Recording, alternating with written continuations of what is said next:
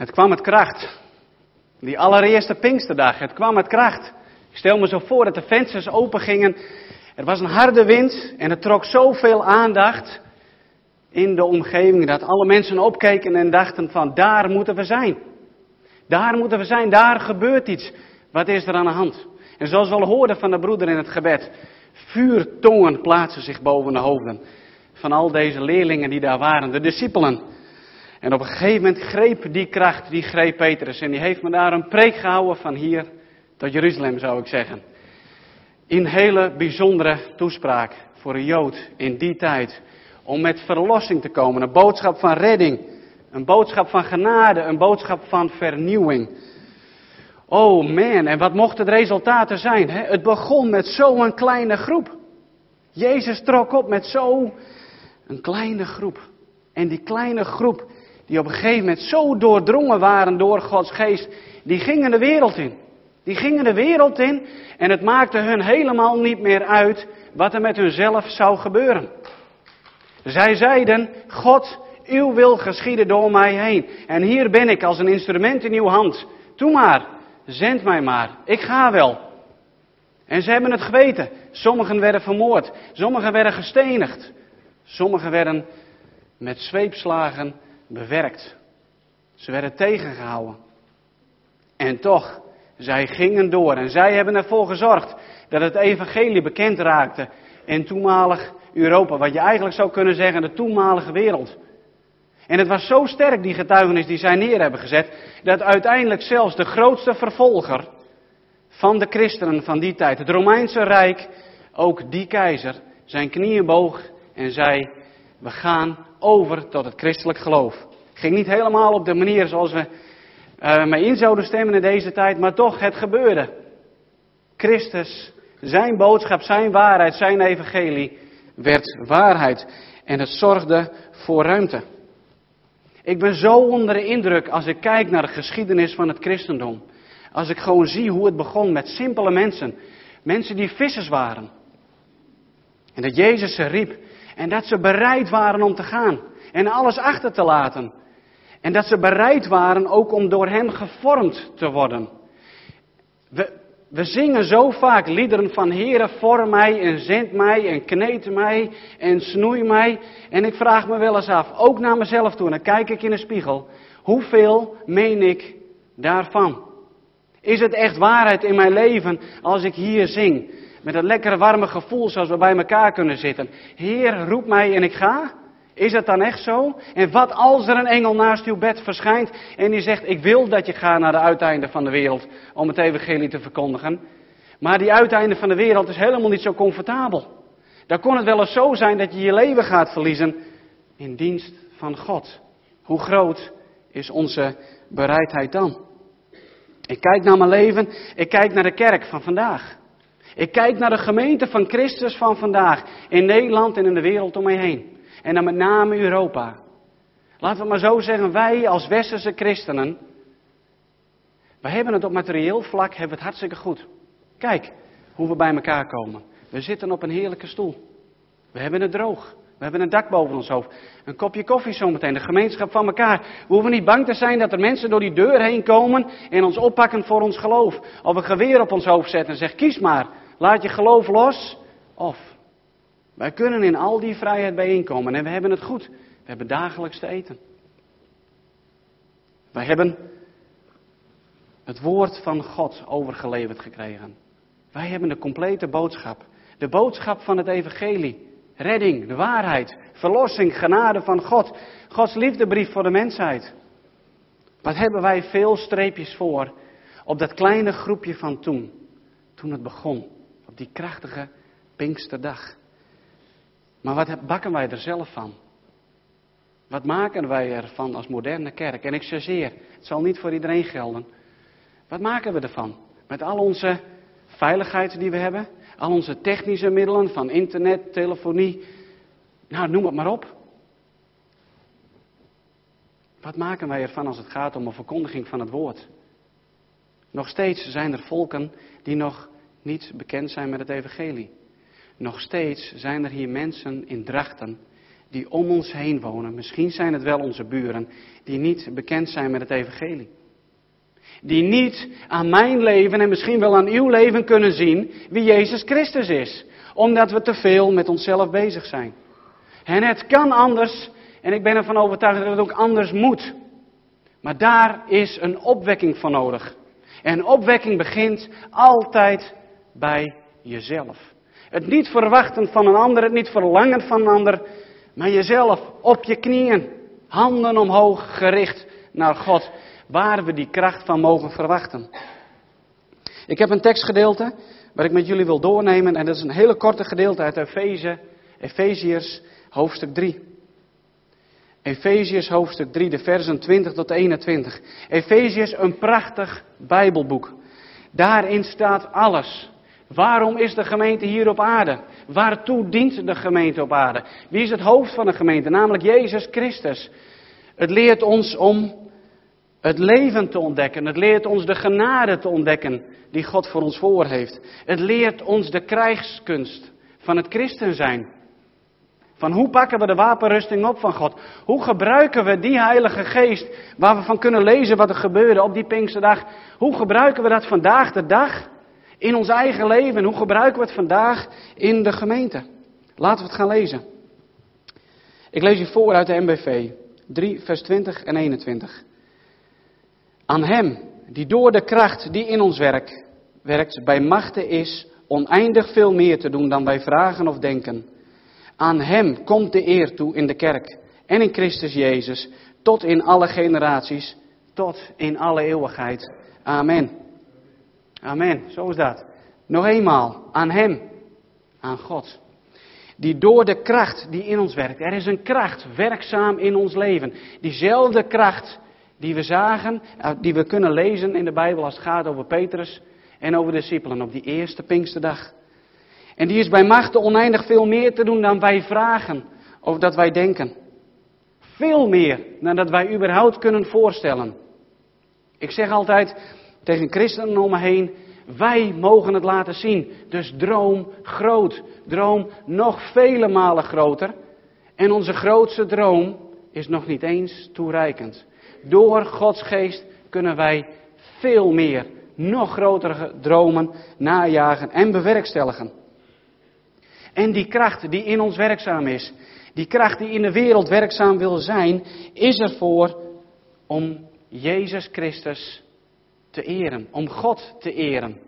Wij mogen als zijn leerlingen, als zijn discipelen, als zijn kinderen God de eer brengen. Daarvoor zijn wij in het leven geroepen. Als je teruggaat naar het eerste hoofdstuk van Efeziërs, daar zie je wat Gods wil is met ons leven. Namelijk om heilige en zuivere kinderen voor Hem te zijn. Waarom? Te leven tot eer van Gods grootheid. Waarvoor is de gemeente in het leven geroepen? Om te leven tot eer van Gods grootheid. Om die boodschap die wij hebben gekregen te brengen naar de wereld. De boodschap van hoop, het evangelie. Wat ons zo gewoon is. Ik bedoel, we kunnen erover praten en onze ogen blijven droog. Zo vaak hebben we het al gezegd tegen anderen. Ja, maar Jezus is voor mijn zonde gestorven en Jezus is voor jouw zonde gestorven. Maar hoe zit het hier? Met ons hart. Raakt het ons nog? Is het evangelie nog steeds levend in ons leven? Beweegt het in ons hart? Zet het ons denken op hol? Gods genade is zo groot en zo mooi. En het gekke is, we vergeten die boodschap. Zeker als christen zijnde. Zeker als de jaren vorderen en we steeds ouder worden en langer christen zijn. Op een gegeven moment sluipt er wel eens religie in ons leven. En dan denken we dat we het opeens moeten gaan verdienen. En dan voelen we ons zo ongelooflijk schuldig als het een keer verkeerd gaat dat we niet meer vooruit durven te komen of te bewegen. Maar de genade van God is zo groot dat we juist op onze knieën mogen en mogen weten dat ook al gaat het fout, God houdt van mij. Romeinen 8, vers 1. Voor hen die in Christus zijn, is er geen veroordeling. Juist, er is geen veroordeling meer, want dat heeft Jezus Christus gedragen aan het kruis. De Heilige Geest. Die ene persoon van de drie-eenheid, God, de Zoon en de Heilige Geest. Als je daarvan geproefd hebt, dan wil je nooit meer anders. Dan zet het je wereld op zijn kop, zoals ik zelf ook ooit heb meegemaakt. Gepakt te worden door de Heilige Geest.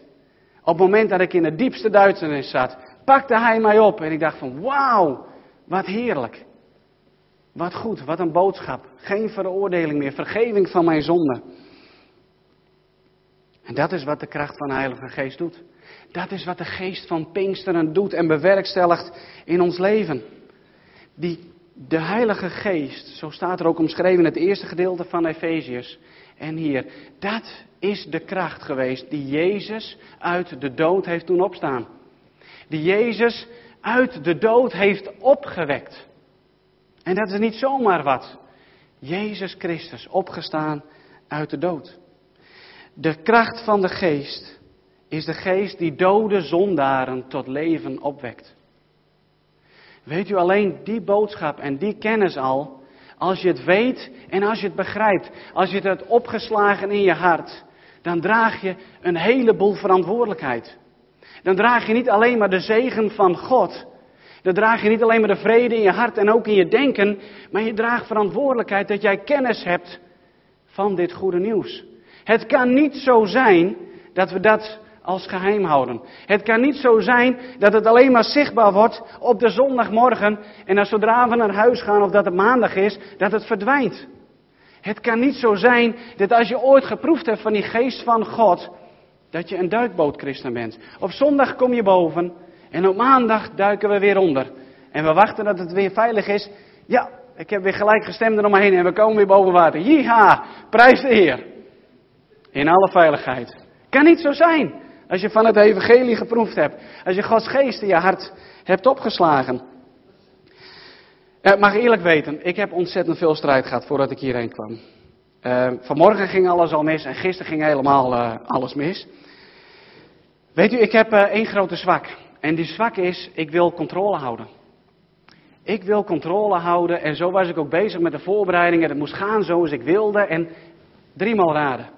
Hoe meer ik de controle probeerde te vatten, hoe minder dat het lukte. En hoe gefrustreerder en geïrriteerd, ik zal het eerlijk zeggen, ik werd.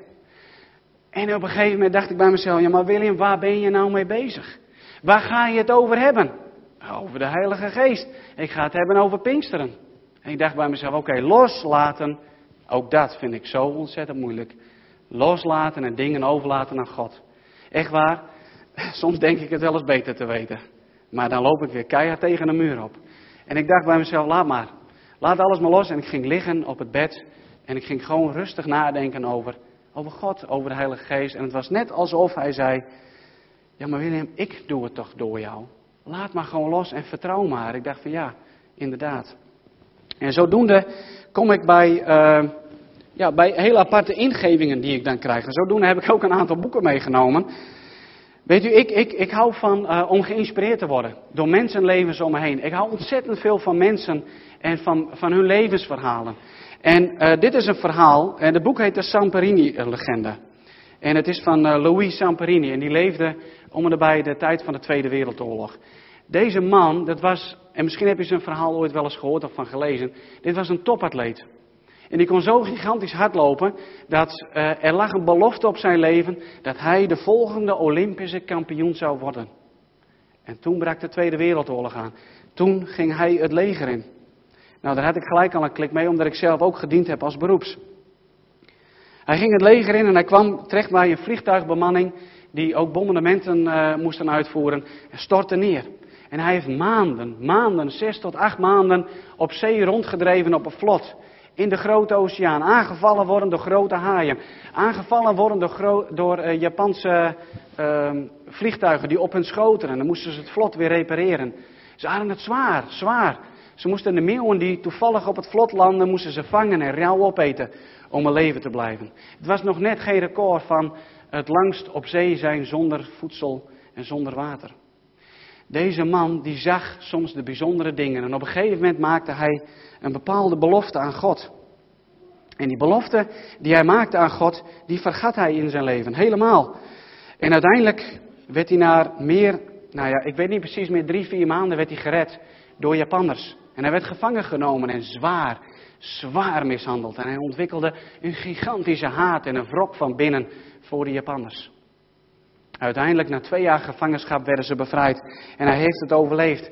Hij kwam terug naar Amerika, vond een prachtig mooie vrouw en ging trouwen. En hij raakte aan de drank door al de trauma's die hij had meegemaakt. Zwaar en zwaar aan de drank. Zijn vrouw kwam tot geloof door Billy Graham en probeerde hem mee te nemen naar een van die evangelisatiebijeenkomsten. En hij vluchtte regelmatig de tent uit, want hij kon er niet aanhoren. Maar hij was zo boos op God van wat hem was overkomen. Hij was boos op God wat hem was overkomen. En misschien herken je dat zelf wel in je leven. Dat je verdriet of rouw of ellende overkomt en dat je denkt van God, waarom? Waarom mij? Ik had vorig jaar zo'n jaar dat alles ging mis en ik, alles wat misging gaf ik God de schuld. En ik riep het uit naar boven van waarom en waarom. En uiteindelijk bedacht ik mezelf, waarom niet? Waarom zou mij dat niet overkomen in de wereld waarin wij, wij leven? Alleen ik heb iets voor. Ik heb God bij me, ik heb Christus bij me. En met hem spring ik over de muur. Ik lees u een klein stukje voor. En misschien is het wel gek hoor dat ik uit een boek voorlees, maar ik doe het toch. Het gaat om deze Louis. Hij is bij een bijeenkomst van Billy Graham. Echt een wereldevangelist. Louis drong zich, drong zich voorbij de bezoekers in zijn rij, vluchtend naar de uitgang. Zijn gedachten waren een chaos. Hij voelde zich woedend, gewelddadig en hij stond op het punt om te ontploffen. Hij wilde iemand slaan. Zoveel agressie had hij in zich. En toen hij het middenpad bereikte, bleef hij staan. Cynthia, zijn vrouw, de rijen met gebogen hoofden, het zaagsel onder zijn voeten, de tent om hem heen, alles verdween. En het werd stil. Een herinnering die hij lang had verdrongen. Een herinnering waar hij een avond geleden voor op de loop was gegaan, nam hem in beslag. Kijk, de avond ervoor was hij ook in zo'n tentbijeenkomst. En toen Billy Graham een oproep deed, inderdaad, hij stond op en rende naar buiten. Wegwezen, dacht hij. En nu had Billy Graham weer een oproep gedaan. En opeens daar stond hij, gegrepen. En de geest bracht hem als het ware terug in de tijd. En Louis was weer terug op het vlot. Hij zag Phil, zijn vriend, in elkaar gedoken. Max ademde skelet. Een eindeloze oceaan, de zon boven hem. De loerende haaien die al cirkelend hun kans afwachten. Hij was een lichaam op een vlot. En hij stierf van de dorst. Hij voelde dat zijn gezwollen lippen iets fluisterden. Het was een belofte aan God. Een belofte die hij niet had gehouden. Een belofte die hij had verdrongen tot op dit moment. En zijn gebed was, als u mij redt, dan zal ik u altijd dienen, had hij gezegd op dat vlot. En toen, onder een circus tent op een heldere avond in het centrum van Los Angeles, voelde Louis de regen neerdalen. Niet letterlijk de regen, de regen van Gods geest. Net zoals op die Pinksterdag. Het ene moment met veel kracht en met lawaai. En op het andere moment als een lenteregen. Het was de laatste flashback die Louis ooit zou hebben. Hij werd elke nacht wakker met nachtmerries. Dat dreef hem tot wanhoop, tot de fles, tot de drank. Louis liet Cynthia los, draaide zich in de richting van, van Graham. Hij voelde zich meer levend dan ooit. En hij begon te lopen. Dit is het, zei Graham. God heeft tegen u gesproken en kom verder. En zo werd hij aangeraakt. Echt waar, deze man die stond op het punt zijn vrouw kwijt te raken. Deze man was zo verslaafd dat hij er ook lichamelijk aan onderdoor ging. Weet u, dit is de kracht van het evangelie. Dit is de kracht van de geest van het Pinksteren. Dit is het. Hier gaat het om. Mensenlevens die veranderen. Muren die van harten worden gebroken. En dat God ingang krijgt in hun leven. Weet u, dat zijn de grootste wonderen die de mensheid kent. Er zijn wonderen van genezing. Er zijn wonderen van aanraking. En ja, daar ben ik met u eens. Het zijn mooie wonderen. Maar weet u wat er nog grotere wonder is? Het grootste wonder dat de mens ooit heeft mee mogen maken is dat Christus de dood heeft overwonnen en is opgestaan. Voor ons. Het grootste wonder is, is dat zondaren tot bekering komen en gevuld worden met Gods Heilige Geest. Dat zijn de grootste wonderen, want dat heeft eeuwigheidswaarde. En ja, God kan u genezen als u ziek bent. Daar ben ik van overtuigd. Maar er zal weer een moment komen in ons leven dat we gewoon ook weer de onze ogen zullen sluiten omdat we nou eenmaal doodgaan, sterven als mensen. Maar Jezus, Gods geest, die bewerkt die grote wonder in ons leven dat wij eeuwig leven hebben. Dat wij van betekenis kunnen zijn voor de mensen om ons heen. En wat doen we met dit goede nieuws? Wat doen we met deze kennis als we het zien in mensenlevens om ons heen? Als je het misschien zelf hebt meegemaakt in je leven, dat je zo aangeraakt bent van God. Misschien ben je wel zo iemand die helemaal in de put heeft gezeten En die God er helemaal heeft uitgetild. En je zoveel kracht heeft neergegeven. Dat de hulpverlening staat te kijken van, man, wat gebeurt hier? Ja, dat is de kracht van Gods geest. Misschien heb je wel een leven geleid van helemaal niks aan de hand en braaf elke zondag naar de kerk. En heeft de religie en de wetje te pakken gekregen. En probeer daar maar eens uit los te komen. Dat kan, door de kracht van Gods geest. En dat je dan opeens gepakt wordt en in de vrijheid neergezet wordt in het nieuwe leven. En dan, wat doen we ermee? Die eerste paar weken, de eerste paar maanden lopen we, tenminste zo kijk ik terug op een roze wolk en denk ik, yes. Weet je, dan heb je dat verliefdheidsgevoel richting Jezus en richting God. En dan, oh, maar dan kunnen ze je alles vragen en je bent bereid om te gaan. Maar wat als je vijf jaar verder bent? Wat als je tien jaar verder bent? Wat als je twintig jaar of langer verder bent? Weet u, aan de ene kant heb ik net gegeven, ja, we leven in die vrijheid. We leven in een fijn westerse land en we hebben het goed. Maar we leven ook in een hele individualistische maatschappij. Iedereen leeft voor zichzelf. Laten we nou heel eerlijk zijn. Iedereen leeft voor zichzelf. En ook dat, zeg ik heel eerlijk, zie ik dat het in mijn eigen leven is geslopen. En nog veel erger is dat het de kerk, de gemeente is binnengeslopen. Dat we zoiets hebben van ik leef voor mezelf. We gaan met z'n allen naar de kerk. Natuurlijk niet allemaal. Naar de kerk om te ontvangen. Om te sponsen, zoals ik het noem. En we verwachten en we verwachten. En waar is de houding van dat je wat mag brengen? Wat mag brengen voor degene die naast je zit. Dat je wat mag brengen, dat je mag zeggen, Heer God, hoe wilt u door mij heen werken vanochtend? Ik kom erachter, en misschien u met mij, of misschien bent u het helemaal niet met mij eens. De kerk van Jezus Christus, de gemeente van Jezus Christus, vandaag de dag, met alle mogelijkheden die wij hebben, als ik kijk alleen maar naar Nederland, we doen niet genoeg. Ik zeg maar gewoon heel eerlijk, we doen, en misschien is dat hier wel heel anders. We doen niet genoeg. We zijn nog te veel naar binnen gericht. We zijn nog te veel op onszelf gericht. Dat we het goed hebben, dat de dienst zo dusdanig in elkaar gezet wordt dat ik daar plezier van heb. De liederen moeten goed zijn en dit moet wel aan bod komen en dat moet aan bod komen en ga zo maar door. En als dat niet zo is, dan gooien we de kont in de krip of krijgen we een pruilip. En het moet allemaal maar naar ons zin zijn. Maar we mogen brengers worden. Brengers worden. We hoeven geen, niet de hele tijd maar te ontvangen en te ontvangen. Ja, natuurlijk is dat ongelooflijk belangrijk. Hoeveel ruimte geven we aan de geest van God, die Pinkstergeest, om te werken in ons leven? Hoeveel ruimte geven we Hem als we morgen gewoon weer met ons dagelijks leven bezig zijn? De een moet werken, de ander is vrij, omdat het tweede Pinksterdag is. Hoeveel ruimte geven we God om door ons heen te werken ten opzichte van onze buren in de straat? Of nog sterker, naar degene die op dit moment naast u zit of bij u in de rij. Hoe ver geven we God de ruimte dat je eens een keer een arm om iemand zijn schouder heen slaat? Dat je naar iemand toe gaat waarvan je weet, als die Christus niet vindt en ontdekt en niet proeft van die geest, dan is die verloren. En ik ga er naartoe om hem liefde te geven, om een relatie aan te gaan en om uiteindelijk te vertellen van Gods liefde.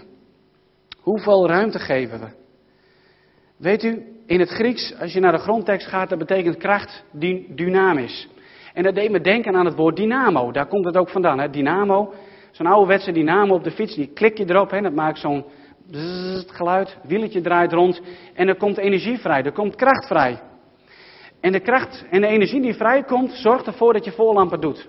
En je achterlampen doet. Tegenwoordig is het allemaal aan batterijen. En dat deed me ook denken van, hé, hey, christen zijn, Gods kracht dat door ons heen wil werken. Oké, ik kan alleen maar ontvangen en natuurlijk, ik heb het nodig van Hem. Maar ik mag zelf ook gewoon in beweging komen. Ik mag zelf ook gewoon activiteiten ondernemen. Het is niet altijd zo dat bij elke stap die we moeten zetten, we een openbaring of een visioen van God moeten krijgen van ga links of ga rechts. Nee, we mogen zelf, als we weten wat Gods wil is, ook gewoon stappen zetten en dingen doen. Het mooie is dat deze man Louis Zamperini, hij werd gegrepen door Gods geest. Hij werd gegrepen door Gods geest. Hij was verslaafd aan alcohol. Maar weet u, zijn eerste ding wat hij deed toen hij thuis was, was niet lekker achterover gaan zitten op de stoel van nou, doet de Heilige Geest alles wel voor mij. Nu levert de Heilige Geest alle strijd. Nee, hij geeft je kracht. Hij empowert je als het ware. Hij kwam thuis en hij deed alle kastjes open waar hij drankflessen had verstopt, pakte het op en gooide het weg. En daarmee wil ik zeggen dat we soms wel eens eerlijk naar ons eigen leven mogen kijken en mogen zien, waar zitten nog die dingen die de Heilige Geest beletten om ten volle te werken? Waar zijn die elementen nog in je leven, die verslavingen, misschien niet aan de drank of seks of drugs of rock'n'roll, noem het maar op, maar hele andere dingen, dat belemmert dat God ten volle kan werken in je leven. En dat vond ik juist zo mooi in dat beeld, opruimen. Opruimen. En ook die beweging kunnen we maken, geïnspireerd door Gods geest. Hoe sta ik in het leven? Sta ik in de kracht waarover ook de Efeziërsbrief van spreekt? En in het eerste hoofdstuk, daar staat ook die kracht die in God, die Jezus Christus deed opstaan vanuit de dood, die is ook werkzaam in ons. En waar is die dan? Waar is die kracht en die macht dan zichtbaar?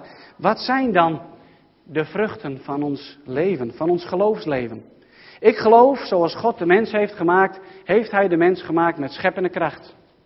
Hij heeft ons scheppende kracht gegeven. Hij heeft ons vrijheid gegeven. Hij heeft ons autoriteit gegeven. Hij heeft ons immers naar zijn evenbeeld geschapen. En door het ontvangen van de Heilige Geest hebben we ook het innerlijke, zeg maar, van God. Dus niet alleen maar naar zijn evenbeeld zijn we geschapen.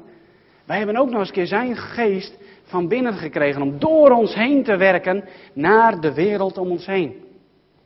Om door ons heen te werken, om mee te helpen, mee te bouwen, zodat ook hier deze plaatselijke gemeente, de Open Thuisgemeente in Drachten, tot volle bloei mag komen. Dat het zo'n stralende licht mag gaan worden, dat iedereen hier in de omgeving ziet van, wauw, gaan jullie zo om met het leven? Gaan jullie zo om met elkaar? Daar wil ik bij horen. Dat is de bedoeling van Gods geest in ons midden. Niet alleen maar van onszelf en om van te genieten. Tuurlijk, het mag. En er zijn momenten waarin we dat nodig hebben en dat het ook helemaal oké is. Maar vergeet niet dat we geroepen zijn door God met een opdracht. En die opdracht is nog steeds niet vervuld. Als het gaat om dingen te ondernemen in ons leven, dan denk ik van ja, we mogen er ook voor kiezen om in onze scheppende rol te gaan staan. Soms dan overkomen ons dingen in het leven en dan voelen we ons slachtoffer. We voelen ons zielig. Zoals ik mij gisteren zielig voelde dat het allemaal niet lukte op de manier zoals ik wilde. En ik sneed nog in mijn duim tijdens het uien snijden en noem het maar op. Ik denk, nou, feest is compleet. Ik ben helemaal zielig, legaal. Geef me een diploma, klaar. Maar dat is niet de geest die God ons heeft gegeven. God heeft ons een geest van overwinning gegeven, van kracht. Je mag ervoor kiezen, ook gewoon met je verstand. Het is afgelopen met in een slachtofferrol te staan. Het is afgelopen dat ik kijk naar de omstandigheden van mijn leven. Het is afgelopen dat ik kijk naar die grote bergen op mijn pad en dat ik daardoor te neergedrukt door het leven ga of hopeloos. Nee, de tijd is gekomen, juist door Pinksteren, dat we mogen zeggen tegen die bergen in de naam van Jezus Christus, til jezelf op en spring maar in de zee. Dat staat er toch in Gods woord. Dat is de geest en de kracht die we hebben gekregen. Kies ervoor om een scheppende rol aan te nemen in ons leven. Als je Jezus Christus als Heer wil je de Heilige Geest hebt ontvangen, dan kan dat in ons leven. De omstandigheden hoeven niet te heersen in ons leven. Jezus Christus heert in ons leven en zijn werk is volbracht. Hij heeft het volbracht in ons leven. Wij als christenen, wij met elkaar mogen regeren. Wij mogen heersen. Wij mogen de wereld laten zien dat wij het goede nieuws hebben. En mensen om, om, om, je heen, eigenlijk mag je die uitnodigen door de houding die wij hebben in het leven. Kijk maar. Dit is Christus die door mij heen werkt. De kracht en de geest van Pinksteren.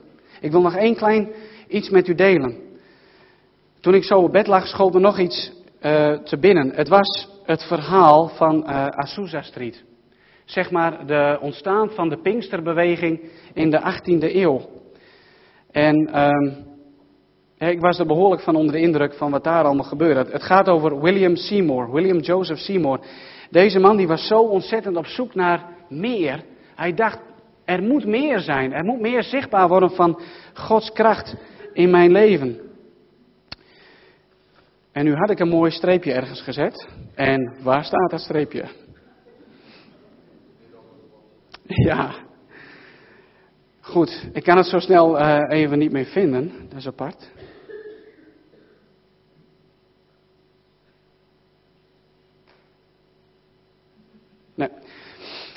Hij maakt iets mee. En dat is, dat is gewoon om aan te duiden hoe groot en krachtig die geest van God kan werken.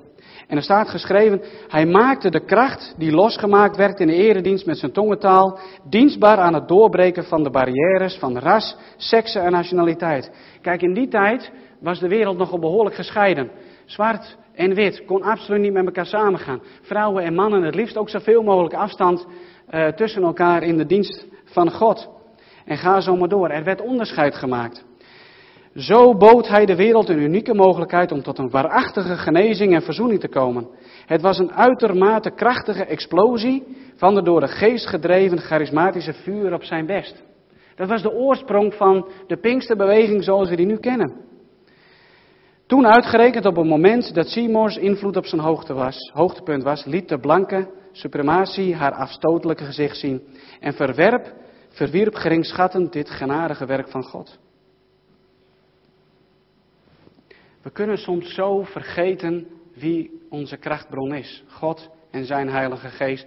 Doordat we bezig zijn met wetjes en met regeltjes en met ons eigen individuele leven. Weet u, deze man, die was dagenlang met zijn vrienden, was hij in gebed. Vasten en gebed. Ik hoor wel eens mensen om me heen zeggen, oh ik verlang zo naar opwekking. Ik hoor gemeenten het, gemeenten het uitschreeuwen van, kwam die opwekking maar. En weet u, als wij niet op onze knieën gaan, als we niet zoals deze mensen, en dat laten eigenlijk al die opwekkingspredikers zien, dagenlang op onze knieën doorbrengen, zwetend, helemaal vermoeid worden van het gebed, dan gaat het volgens mij niet gebeuren. Het gaat gewoon niet gebeuren door achterover op een stoel te gaan zitten van Heer, zend uw opwekking, zonder dat wij in beweging komen. En dat in beweging komen is onze knieën te buigen. Dat in beweging komen is gewoon doen wat God van ons vraagt. Namelijk Hem liefhebben en onze naaste als onszelf. Ik sluit af met een paar praktische voorbeelden vanuit de Bijbel, die mij ook enorm inspireren. Het leven van Paulus. Paulus, een fariseer, een geleerde, een enorme intelligente man, op weg naar Damascus om de gemeente van Christus te vervolgen, krijgt een aanraking met Jezus Christus. Ligt drie dagen op zijn bed, denk ik na te denken. Is blind, kan ik zien. Is aan nadenken en aan nadenken. En op een gegeven moment besluit hij, ik geef mijn leven aan hem. Barnabas krijgt een visioen, gaat naar hem toe en doopt hem. Kijk eens wat deze man heeft meegemaakt. Ik noem hem de grootste zendeling ooit die we gekend hebben. Tegenslag op tegenslag op tegenslag op tegenslag. Steniging, gevangenis, noem het allemaal op. En hij ging door. Hij keek niet naar de omstandigheden van zijn leven. Hij keek op God. Toen hij met zijn voeten in het blok lag in de gevangenis, zong hij liederen ter ere van God. En wat gebeurde er? Er kwam een aardbeving. Een aardbeving die ook aanwezig was, zegt Matthäus, bij de opstanding van Jezus Christus. De soldaten werden bang, er kwam een aardbeving. Gods kracht, de Heilige Geest, Pinksteren. De deuren vlogen open, iedereen keek. Dat is de geest van God. Een geest van kracht. En op het ene moment komt hij als een kracht met veel gebulder in ons leven. En op een ander moment, zoals ik al zei, is het een lentebries. En ik weet het. Het klinkt allemaal heel mooi misschien wat ik zeg, en makkelijk. En dat je denkt, ik wil dat ook, maar ik knal elke dag of elke week met mijn hoofd tegen de muur. En het gaat niet zoals ik wil. En ik ken het gevoel met u. Geldt net zo goed wat ik hier heb verkondigd aan u, geldt net zo goed voor mijn eigen leven. Ik moet zo vaak in de spiegel kijken en zien, William, wat is er nog zichtbaar van Gods werk in jouw leven? Wat is er zichtbaar van die geest? En dan moet ik weer aan het opruimen. Of moet, ik mag aan het opruimen, zodat Gods geest meer ruimte krijgt. Ook dat is het werk van de Heilige Geest. Het dwingt en het dringt ons als het ware om in die spiegel te kijken. Maar ook naar elkaar. Om elkaar te helpen op te ruimen. Om elkaar te helpen te groeien in discipelschap. Zodat God steeds meer en meer ruimte krijgt in ons leven. Weet u, dat is het wonder van het kruis. Het wonder van het kruis is, is dat ik en dat u fouten mag maken. Elke dag weer mogen we die fouten maken. En we mogen naar het kruis toe, we mogen onze knieën buigen en danken voor het volbrachte werk. We mogen onze zonden beleiden en vergeving aanvaarden. En elke keer weer mogen we zeg maar als een soort van Duracell batterij opgeladen worden door God. Want, want als het van ons afhangt, lieve broeders en zusters, als het van mij afhangt, dan gebeurt er hier op deze wereld helemaal niks als het gaat om het zichtbaar maken van Gods liefde. We zijn van Hem afhankelijk. En zullen we Hem daar de ruimte voor geven? Mag ik u volgen in gebed? Vader in de hemel, almachtige God, geprezen zij uw heilige naam, Vader God. Heren, wij zijn in het leven geroepen, heren, als mens en als gemeente, om u te eren. En Heer, er zijn momenten waarin we vreselijk tekortschieten. En Heer, dat beleiden we als een zonde, Vader. En we weten dat we vergeving van U mogen ontvangen. En Heer, we weten dat we afhankelijk zijn van Uw Heilige Geest, Heer. De kracht van Pinksteren, Heer. Daar verlangen we naar. Om door ons heen te werken. Om, Heer, om te doen wat U wilt met deze wereld is. Uw naam verkondigen. Heren, de zieken genezen. Heren, demonen uitdrijven. En zelfs de doden doen opstaan uit de dood. Het evangelie brengen op plekken, heren, waar de duisternis nog zo heerst. En het kan soms zelfs zijn in onze eigen straat. In onze eigen klas. Op het werk. Heren, help ons om gewoon ook praktisch daar aanwezig te zijn in deze wereld. Om uw liefde te laten zien. Help ons, Vader God, om als christenen wat minder woorden te gebruiken, maar meer daden. Help ons, Heren, om in onze autoriteit als christen te staan in het volbrachte werk van Jezus Christus.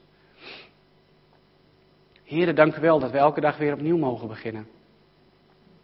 En Heer, ik denk dat het een prachtig moment is, Heer, om op, Pinkstermorgen, om opnieuw te beginnen, als we in de afgelopen tijd tegen de muur zijn opgeknald.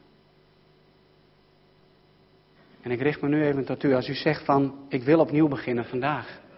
Ik wil me opnieuw beschikbaar stellen voor God. Ik wil opnieuw dat Zijn geest en Zijn kracht door me heen werkt. Dan wil ik u gewoon uitnodigen om te gaan staan of uw hand op te steken. Of om uw harten te openen. En u uit te strekken naar God. Vader in de hemel. Heren, we zijn zo afhankelijk van u. Zo afhankelijk van u, Heer. En zie naar ons hart. En zie, Heer, waar we nog in tekort schieten. En vul het aan met uw, met uw Heilige Geest, o Heer. Dat steeds meer van onze eigen ik mag verdwijnen en steeds meer van uw wil zichtbaar mag worden. Vader, kom met uw geest, o Heer. Kom met uw geest en verbreek die muren rondom ons hart. Vul ons met die kracht, Heer. Die kracht die zichtbaar was op de Pinkstermorgen. O Heer, wat verlangen we daarna? Heer, help ons ook om de consequenties te dragen en de verantwoordelijkheid te dragen die daarbij, die daarbij horen, Heer. En voor een ieder die het nu moeilijk heeft, voor een ieder die zegt, ja, ik wil opnieuw beginnen. Ik zegen je in de naam van God, de schepper van hemel en aarde. En ik zegen je in de naam van Jezus Christus, onze redder en onze verlosser. En ik zegen je met de Heilige Geest van God, dat hij in je mag komen, dat hij de deuren mag openbreken van je hart. En dat hij een plaats mag krijgen, dat hij alle stof die aanwezig is, alle roest die aanwezig is, dat het weg mag gaan in de naam van Jezus Christus. Dat er ruimte mag komen voor de Heilige Geest van God. En dat Zijn wil mag geschieden in uw leven. Dat Zijn wil mag geschieden hier in deze plaatselijke gemeente. Tot eer en glorie van God onze Vader. Amen. Amen.